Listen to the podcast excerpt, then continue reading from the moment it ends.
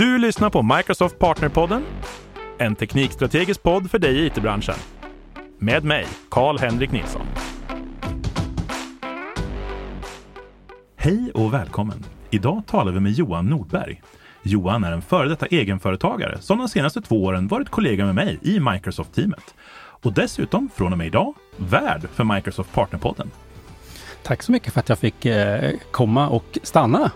Jag har ju suttit på den här eh, stolen här längst in i hörnet i studion nu i lite över 70 avsnitt. Exakt. Så att jag tänkte att eh, du ska få ta över den efter mig. Vad härligt. Vi rent fysiskt går runt bordet och eh, du får sitta på gäststolen och jag får sitta på värdstolen.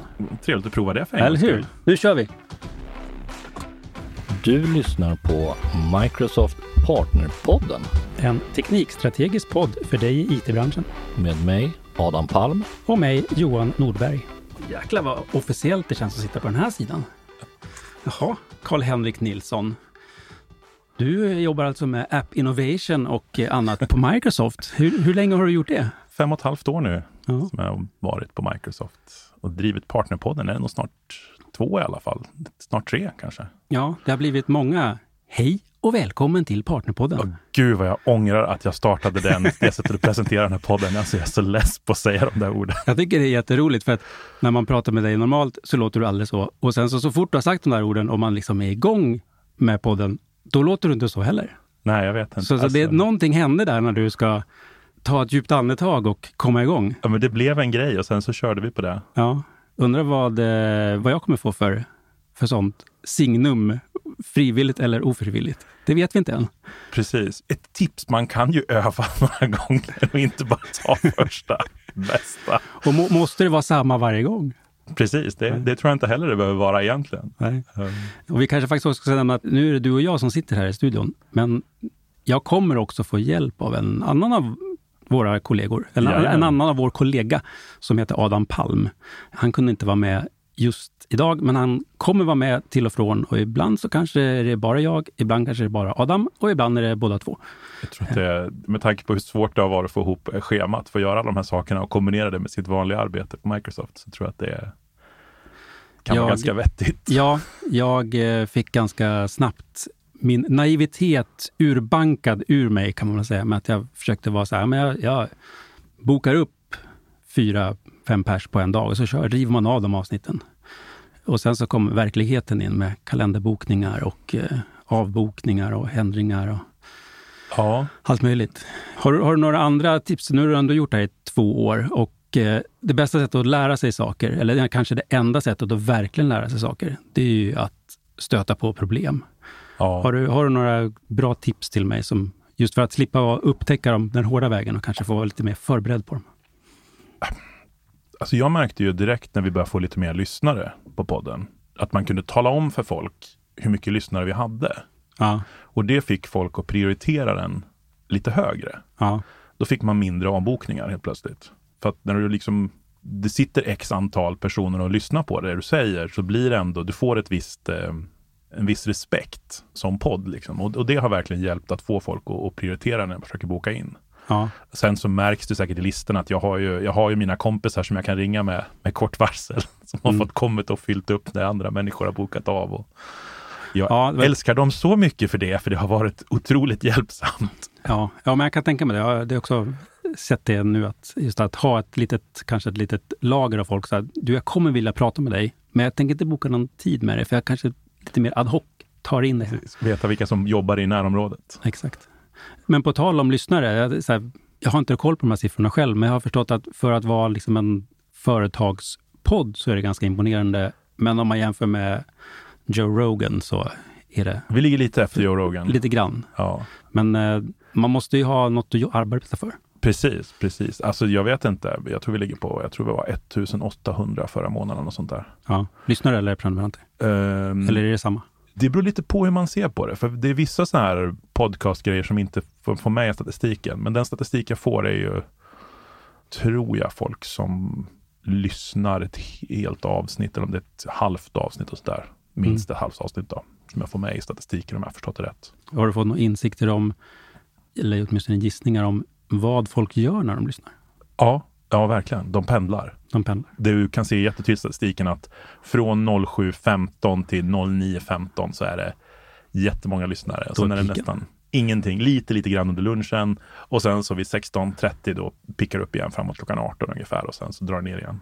Ja, det följer elpriserna typ. ja, lite grann. Ja.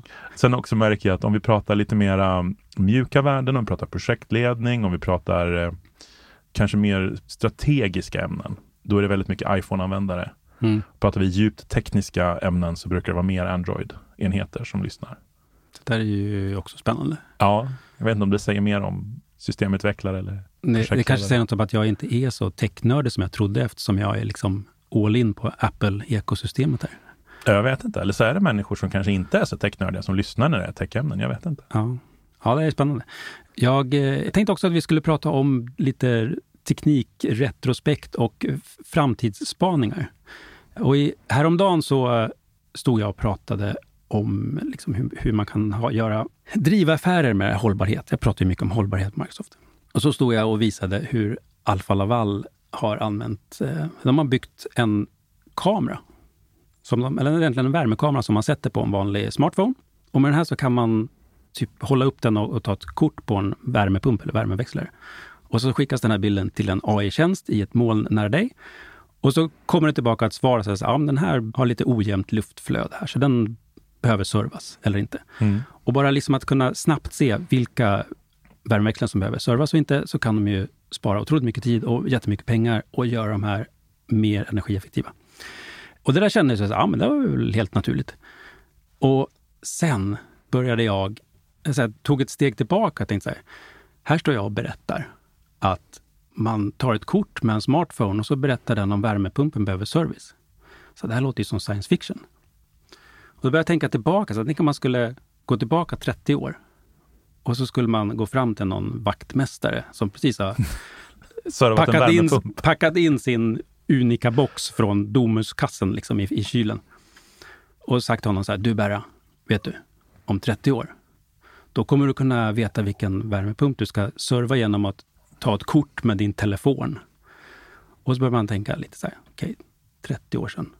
Mobiltelefonen var inte jättestort. Eller Nej. snarare så här, mobiltelefonerna var jättestora, men de var inte så populära. 1993? Nej. Ja, exakt. Internet hade inte blivit årets julklapp. Nej. hade vi ens fått mosaik-webbläsaren? Det var typ där, va?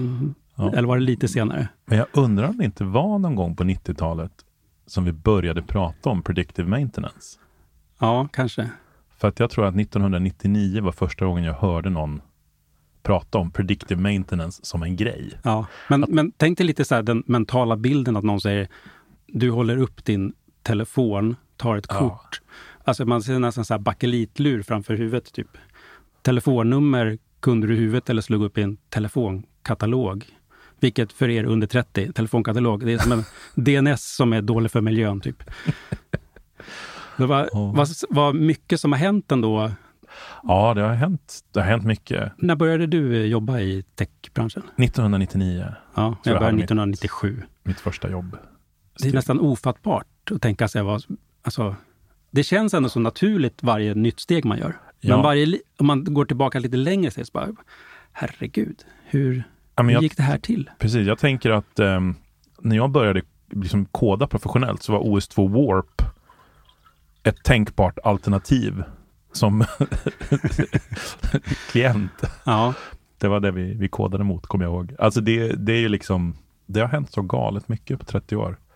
Men också, tänk dig själv om du skulle gå tillbaka till 30 år, så skulle du förklara för någon stackars person som pendlar att om en massa år, då kan du lyssna på en massa amatörer som sitter och spelar in låtsasradio. Och det kan du ta upp din telefon och välja, inte en, utan tusen olika ämnen. ja, exakt. Vad liknelsen var så ja, du kan ha ett förinspelat kassettband och spela i din Walkman. med folk som gör låtsasradio.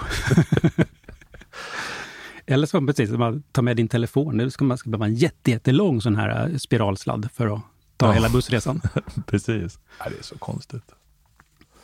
Men har du några så här stora milstolpar som man tänker att det var ett enormt skifte som typ när iPhone släpptes eller den, den, den typen av, Men har du några mer på ett mer personligt plan där det har varit några stora skiften som har gjort ett stor skillnad i ditt arbetsliv eller privata liv? Ja, gud ja. Alltså, eh, när... Jag kan inte säga om det var TFS eller om det var Azure DevOps eh, första versionen och sånt där. Det gjorde, när jag liksom verkligen började förstå vad automation och testning och hela den grejen skulle kunna göra för skillnad i systemutveckling i, i form av kvalitet. Mm. Det är för mig så här den stora ja, alltså aha-upplevelsen av eh, systemutveckling. Alltså du kan, helt plötsligt så kan du automatisera dina byggen, du kan få dina tester, du kan se att allting funkar.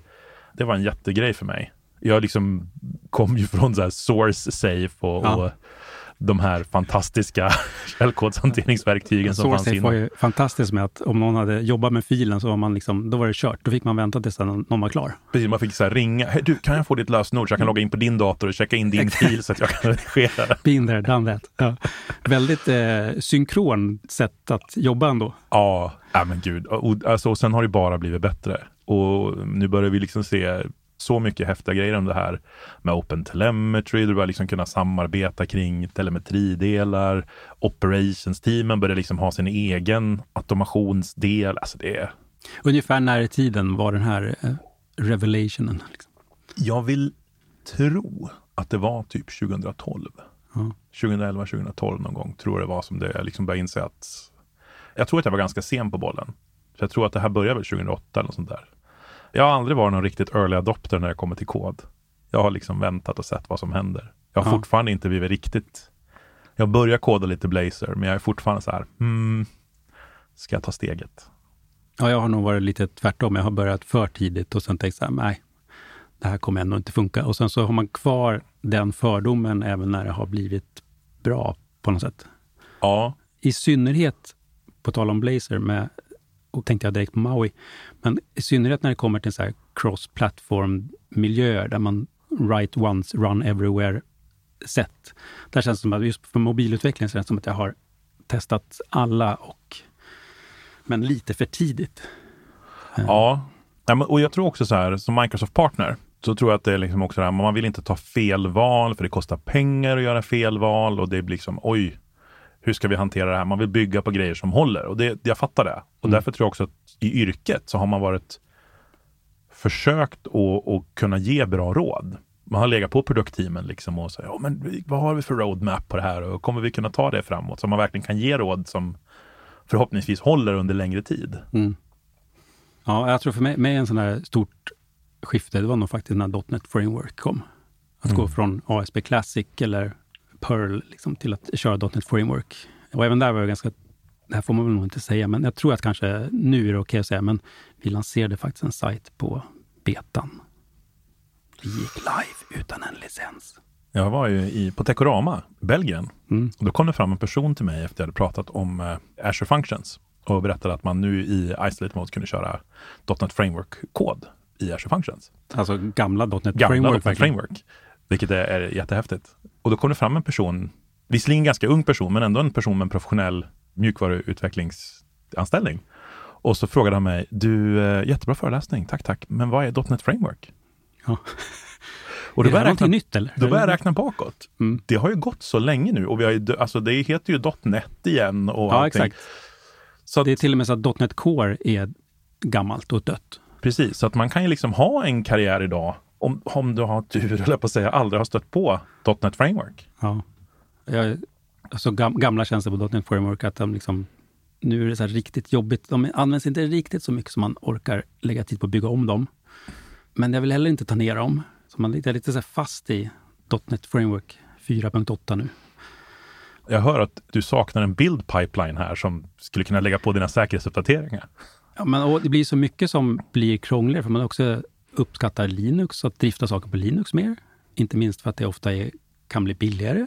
Så det är så många saker som man blir lite grann låst i. Att vara kvar i gamla .NET Framework Mm. och ASP.NET MVC liksom på, på den plattformen.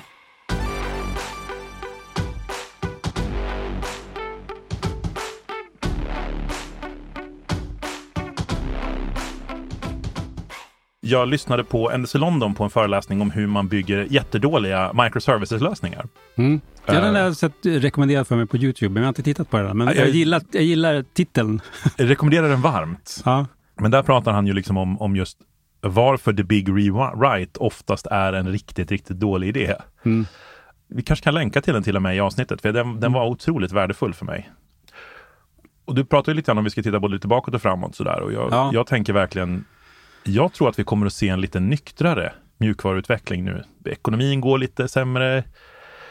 Jag upplever att vi kommer se lite, i alla fall lite så mer krav på hur ska vi tjäna pengar på det här? Vad är return of investment? Så här. Förut var det ju allt skulle byggas till microservices. Mm. Nu ser jag ju liksom en, en lite nyktrare bild av det. Ja, Jag tycker ofta man ser precis den där tendensen att typ om någon ska lära sig spela gitarr så måste man gå igenom fasen där man kan spela superfort.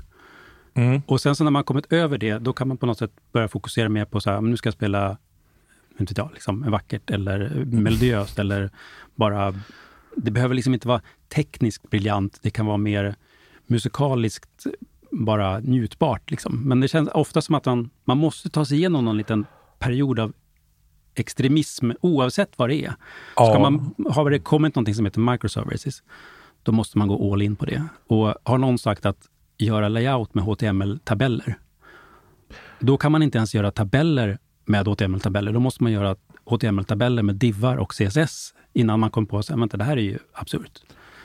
Men är inte allting det här i en hype cycle? Jo, men det är väl det. Alltså jag tror AI är hype cycle, microservices var i en hype cycle, agile, scrum, alla de här grejerna har ju sin hype cycle. Som Ja. Jag tror Gartner som kallar det för det. Alltså det är liksom det, det är verkligen alla bara, åh det kan göra allt, det kommer bli magiskt, det kommer bli fantastiskt och sen på vägen ner så får man den här äh, digitala baksmällan av, åh varför står vi och gör så här i onödan? Allt, allt som folk tänker att de ska Ja. göra med, inte bara så här generativ AI, utan ChatGPT Mm. istället för att använda en nischad tjänst i Cognitive Services Ja. till exempel. Microsoft, så jag, jag vet inte om han jobbar kvar längre, men han var ansvarig för såna här um, verktyg för synnedsättning i Edge och såna här saker. Chris Mm. Heilman, tror jag han heter. Okay? Typ Immersive Reader och de Ja, bitarna. lite sådana där grejer tror jag han, han jobbar med.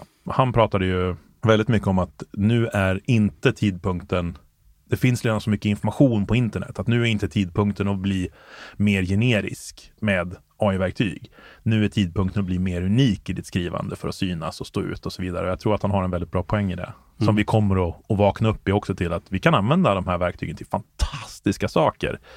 Men att spruta ur oss 958 000 bloggposter är nog inte riktigt kanske. Nej, precis. Och hur, hur många som är självutnämnda experter efter någonting har funnits i två månader. Jag har en ny regel på Twitter. Mhm. Om du var en NFT slash bitcoin-expert innan AI-hypen och nu är en AI-expert, Och nu är en prompt engineer. då är det bara block. Ja. Men, det är eh, säkert nu, någon vettig människa som ryker i det. nu har vi ju även fått en, en eh, till contender i eh, metaverse-arean. Vad, Ja. vad, vad tänker du om det? Jag tänker såklart på Apples Vision Pro headset. Ja, men alltså jag, jag tror att det är bra. Jag tror att det är bra att det är mer människor som är med och tänker på vad det kan bli. Mm.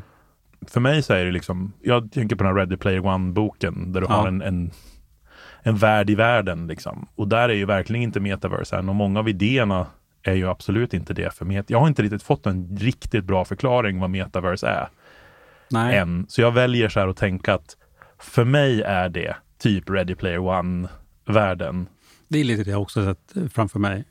Också så här, lite skeptisk, men också bara acceptera att det här är någonting som är så annorlunda. Att det, man kan inte säga att det är som någonting annat, utan man får nog bara acceptera att det här är någonting helt nytt som inte riktigt ska jämföras med någonting annat. Och då får man acceptera att man inte fattar poängen med det på en gång, tror jag.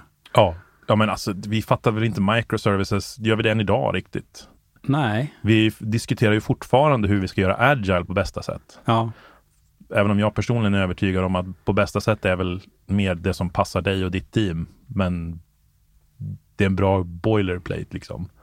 Men tror du Metaverse har större chans att bli som microservices eller större risk att bli som NFT? Bra fråga. Om du får dra en slider liksom, från NFT till microservices i någonting som både har varit otroligt hypat, men som man, Mm. åtminstone som jag tänker att är användbart eller kanske mindre användbart. Ja, men om vi tänker så här. Microservices nu, de är på ett riktigt bra ställe. För nu börjar vi prata om att identifiera hotpaths till exempel. Att här kan vi behöva skala upp en individuell del av vår applikation för att hantera väldigt mycket saker. Och där funkar ju faktiskt microservices Mm. som arkitektur. Och, och där är de riktigt, riktigt bra och de fungerar jättebra ihop med moln och med de produkter vi lanserar. Vi tittar på så här container apps, jobs och hela den här grejen som det går att göra massor med coola grejer ovanpå Netnik. Jag tycker de har liksom hamnat på ett bra ställe och det kommer säkert att vara någonting som jag själv använder i framtiden till jättemycket saker och fortsätter använda, även serverless och hela, hela den delen. Liksom. NFT, det har fortfarande alldeles för mycket ponzi scheme för mig. Och det kan ju vara att inte jag förstår det, absolut. Men jag ser folk som slänger in pengar och de får tillbaka lite pengar och det man köper och man tradar och man äger saker och det är lite oklart hur man äger och så här. Jag tror att det där är jag kommer säkert bli motbevisad, men då kan jag i alla fall ha en podd som visar att jag hade fel. Exakt. Nej, men jag tror att det där och det, kommer att... Och det kanske också har med någon slags hype cycle och extremism att tekniken kanske blir jättebra att använda till någonting Mm. annat än att ta betalt för en GIF. Ja, men det kanske man kan använda det faktiskt till digitala kontrakt och etc. Ja, men precis. Och jag, jag känner ju mycket jättesmarta människor som jobbar på Bitcoin Wallets och håller Ja. på med hela den här tekniken och de är ju reglerade nu av olika finansiella instrument och grejer. Så det är klart som tusan att det finns ett användningsområde för det här, för annars skulle inte alla de här smarta människorna hålla på med det. Men jag förstår det inte än. Jag tror vi är väldigt, väldigt många som inte förstår det än. Samtidigt så gäller väl det väldigt många finansiella instrument. Jag skulle fortfarande inte kunna förklara hur man shortar en aktie på mest effektiva sätt heller. Nej, precis. Och Eh. inte så här derivat och det är så mycket termer där som uppenbarligen funkar, Ja. används, men som man inte riktigt förstår. Jag tror tyvärr att metaverse är lite där också, för det är ingen som vill ha det. Nej. Jag tror att det är jättebra för att generera investeringar i verktyg som vi vill ha till dataspel, till immersive experiences som kommer att bli jättekola. Jag Mm. såg ett Microsoft-demo på, Hol- HoloLens.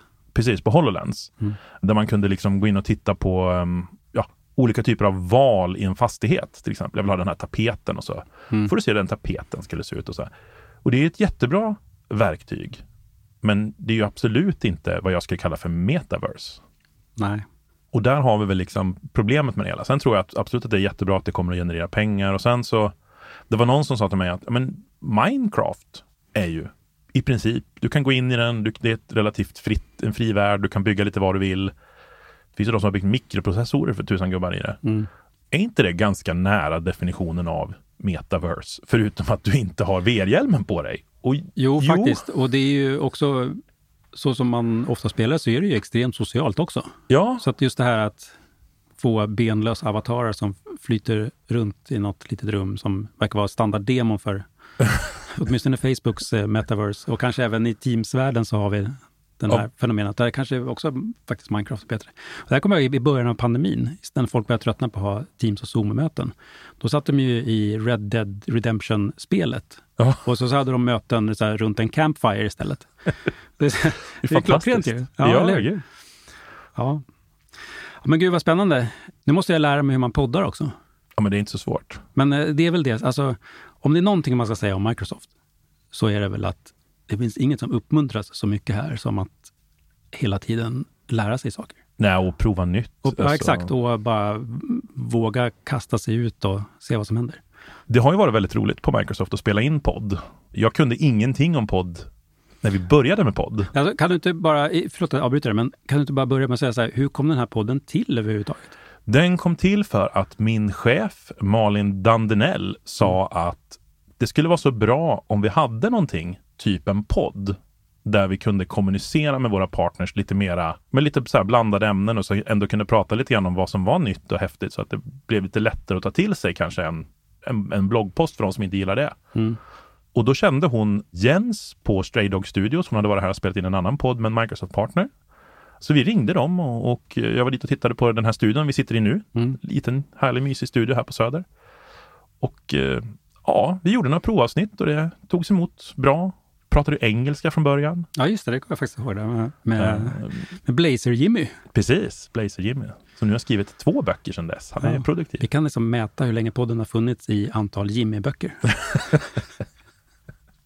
Ja, men man har, man har lärt sig mycket. Alltså, framförallt det du sa tidigare, det här med schema. Alltså Mm. det här med att planera poddavsnitt. Det är inte alltid helt enkelt. Först och främst, vad ska man prata om? Ja. Och då gäller det liksom så här, jag började prenumerera på så här, alla RSS-flöden som gick. Vad är det Microsoft pratar om? Vad är det som är nytt och hett? Vad händer i... Alltså jag har lärt mig så sjukt mycket om Dynamics genom den här podden som jag inte visste innan. Men det har ju varit jättekul Mm. och, otroligt lärorikt. Man får ju liksom en one-on-one med alla människor man spelar in podd med egentligen. Ja, alltså jag måste känna, jag, jag känner mig mest nervös för att ta in gäster om ämnen som jag inte kan så mycket om själv. Jag vill säga min sweet spot, det är ämnen som jag kan lagom mycket för att vara väldigt nyfiken på. Men Ja, inte fast- så mycket så att jag liksom har tröttnat på allt man borde vilja veta. För jag, jag tror ändå att podcast-hosten som du och Adam ska vara framöver här. Och jag har försökt vara den, men det är ju vara så här lite den okunnige som ställer de här frågorna som alla vill ställa. Absolut, men det krävs också en viss kunskap för att veta vilka frågor som man borde ställa som okunnig. Ja, absolut. Alltså det är ju en podd. Vi redigerar ju. Ja. Det, det går ju att bara, vad borde jag fråga nu? Exakt, vad vill du säga för någonting? Ja. Är det någonting du vill få fram utan att det låter som sälj? Men jag har älskat våra MVPer. Det är ju absolut fantastiska gäster att ha i en podd. Oftast är det människor som brinner för sitt ämne, de kan jättemycket, Mm. de ställer upp i vått och torrt. De har ju varit otroliga Och de har gäster. blivit MVP av ren passion och Ja. hårt jobb. Precis, och det Mm magiskt. Ja, de där ska jag försöka lära känna mer också. Jag känner också att jag är liksom en ganska introvert person. Stå och mingla någonstans och prata med någon random människa, det är typ min största mardröm. Men att göra det i ett sånt här sammanhang, det blir en ganska skön ursäkt egentligen för att helt random bara skicka ett mejl till någon person som man tycker är cool och bara ”Tjena, tjena! Kan inte du och jag leka lite? Jag gör en podd här borta.” Ja, just det, poddvärlden, vuxen, vuxenvärlden. Ja, men det är precis. Det är lite som Ska vi när, leka? exakt, det är som om föräldrarna har puttat ihop en på öppna förskolan och säger nu ska ni bli bästisar. Ja. Det, det blir skönt att så här, faktiskt få prata med personer som man är nyfiken Mm. på och ämnen som man är intresserad av eller som man vill lära sig mer av. Så här, det blir ett naturligt sätt att stänga sig in i det här lilla rummet och få ha en anledning att prata med den här personen. ja. En grej som jag kom på nu som jag har lärt mig. Mm. Jag har ju pratat med en del människor som också har frågat mig om lite så här råd. Vi ska starta en podd. Mm. Hur gör man? Precis, och så säger de så här, vi tänkte göra några avsnitt som folk kan lyssna på. Mm. Och det har jag verkligen lärt mig att det är inte så podd funkar. Nej, jag tänker att regelbundenhet är extremt viktigt på Youtube eller i poddvärlden. Ja, precis. man släpper ett avsnitt och man släpper ett avsnitt och man Ja. pratar om grejer och, och man finns där och man tuggar på. Ja, Det är ju så man får folk att lyssna och syns och, och hörs och, och att man har någon form av återkommande kvalitet. mm. Annars tror jag man kan göra något. Då finns det nog andra sätt att, kommunicera. Men Ja, jag, har- jag har hört många youtubers som pratar just också om att det är så otroligt mycket viktigare att man är, kanske liksom har en video eller ett avsnitt eller någonting så här en gång i veckan eller en gång i månaden. Det spelar inte så stor roll vilken kadens det är, men att den är förutsägbart och regelbunden snarare än att man gör fem avsnitt som man släpper på en gång. För då var man liksom on a roll och sen så var det tyst i tre veckor. ja, precis. Jag har ju kört det en gång i veckan som cadence och det Ja. tycker jag är lite för mycket tror jag. För min egen personliga del i alla fall. Nu är ni två. Mm. Så jag hoppas det kommer, att, kommer kanske vara lite lättare för er att, att göra det om ni kan dela ja. upp det lite. ja, men jag tycker det har ändå varit trevligt att man vet att på runt måndag någon gång så kommer ett avsnitt. Man, Det är så otroligt nördigt för att när jag var liten så då var ju 1337 var elit. Då var man ju Ja. en grym kodare. Elit. Ja, så att jag har alltid släppt dem på måndag 1337. Ett litet Easter egg. ja. Jag, eh, jag var gäst på en annan podcast som hade video faktiskt för ett tag sedan. Det var också ett litet Easter egg att om man tittar riktigt noga så speglade sig ett liksom, vinylalbumomslag av Rick Ashley i, i bakgrunden. Jag vet inte om man får säga sånt, men det var ändå lite, tyckte jag lite kul. Din podd, du får vad du vill. Ja, exakt. Det här, men det här är inte min podd där Rick Ashley var med, men, för men sig. så här, alla som tittar på den blir Rickrollade. Du kanske spelar, vad heter det, Never gonna give you up i bakgrunden här på Det kanske- 0,01 volym. Exakt. Det kanske är vår nya intromusik. Ja, vem vet? Ja. Du, eh, otroligt stort lycka till framöver. Ja men tack och eh, alltså det blir jävligt roligt och det blir ju också alltså både fysiskt och metaforiskt stora skor att fylla ut. Så att, eh, jag hoppas att jag lyckas, alltså om man kan lyckas hålla nivån på den här podden på samma, det skulle jag känna som en framgång. Och kan vi boosta den lite annorlunda till, alltså lite till, då har vi ju lyckats. Det tror jag absolut ni kommer göra. Jag tänkte bara också få avsluta med att säga att eh, tack till allihopa som har orkat lyssna på mig i alla de här avsnitten. Ja. Nu får du säga hej då och någonting. Det brukar jag aldrig säga. Jag brukar Nej, jag bara vet. säga tack för att du kom hit. Liksom. Precis, Så- men, men kan du inte ha någon liten, med den här liksom hej och välkommen-rösten, kan du inte ha någon litet outro med den nu? det är sista gången. Det är svårt att hitta något hej då synonym till välkommen. Ja, jag tycker inte om att säga hej då. Jag kommer nog alltid finnas i någon form och till konsumera. Jag pratar ju på konferenser och jag finns ju på, ja, jag bloggar ju, och, eller nej, gud vilken lögn. Jag har fyra bloggposter på min blogg. Jag har en blogg som jag kontinuerligt uppdaterar, men bara byter så här versioner och grejer på. Men vi, vi, vi kanske kan avsluta med att säga så här då. Jag tänker så här, det är din podd. Hur Ja. kommer du avsluta din podd? Idag kommer jag avsluta den så här. Tack och hej leverpastej. Gurkan kommer sakna dig. Du har lyssnat på Microsoft Partnerpodden, en podd om Microsoft Sverige med mig Adam Palm. Och mig, Johan Nordberg. Som vanligt hittar du länkar och resurser på aka.ms partnerpodden. Maila oss gärna på partnerpodden at microsoft.com.